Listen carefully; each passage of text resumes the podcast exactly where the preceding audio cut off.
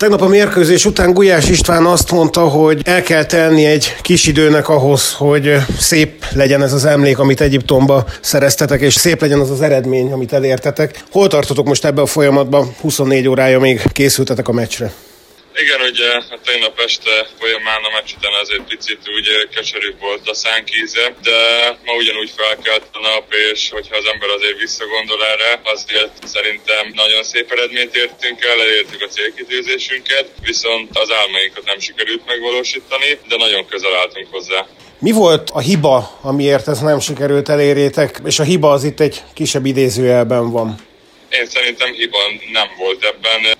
Tudtunk, ennyire futott a tegnapi nap folyamán a franciák ellen.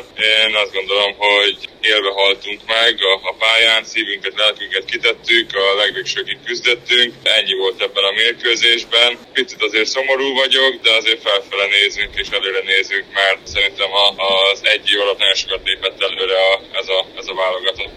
Ha összehasonlítod az előző EB-vel, akkor milyen sarokpontok vannak, amiben azt tudod mondani, hogy biztosan előrébb vagytok most már?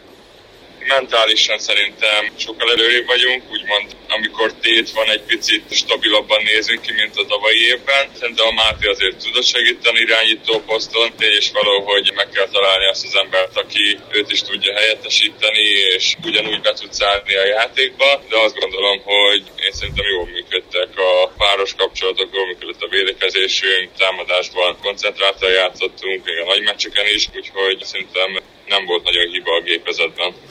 Hogyha azt nézzük, hogy neked például van egy nagyon jó pótlásod ezen a világbajnokságon, Rosta Miklós ugye bizonyította, hogy lehet rá terhet rakni, talán ott lehetne erősödni ennek a válogatottnak, hogy minden poszton legalább legyen egy ilyen ember, aki bejön a pályára és megoldja a feladatát. Hát igen, én szerintem ugye az az erős válogatott, ahol minden poszton van két ember. Tény is való, hogy ugye ebbe bele kell nőni, bele kell erősödni, kell önbizalmat adni a játékosoknak, és csak úgy tud ez kialakulni.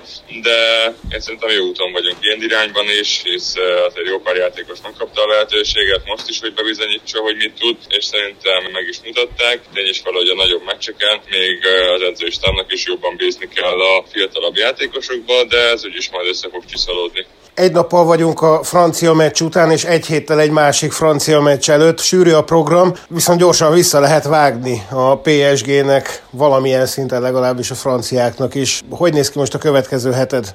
Hú, hát egyelőre még ezt a napot kézilabda nélkül akartam tölteni, meg a holnapi napot is. Még nem tudjuk előre a programot, szeretnék ezért egy picit fújni, amennyit lehet, legalább mentálisan, már fizikálisan annyit nem tudok, de természetesen biztos, hogy hétfőtől elkezdjük a felkészülést a Párizsra, és elindulnak a klub feladatok is.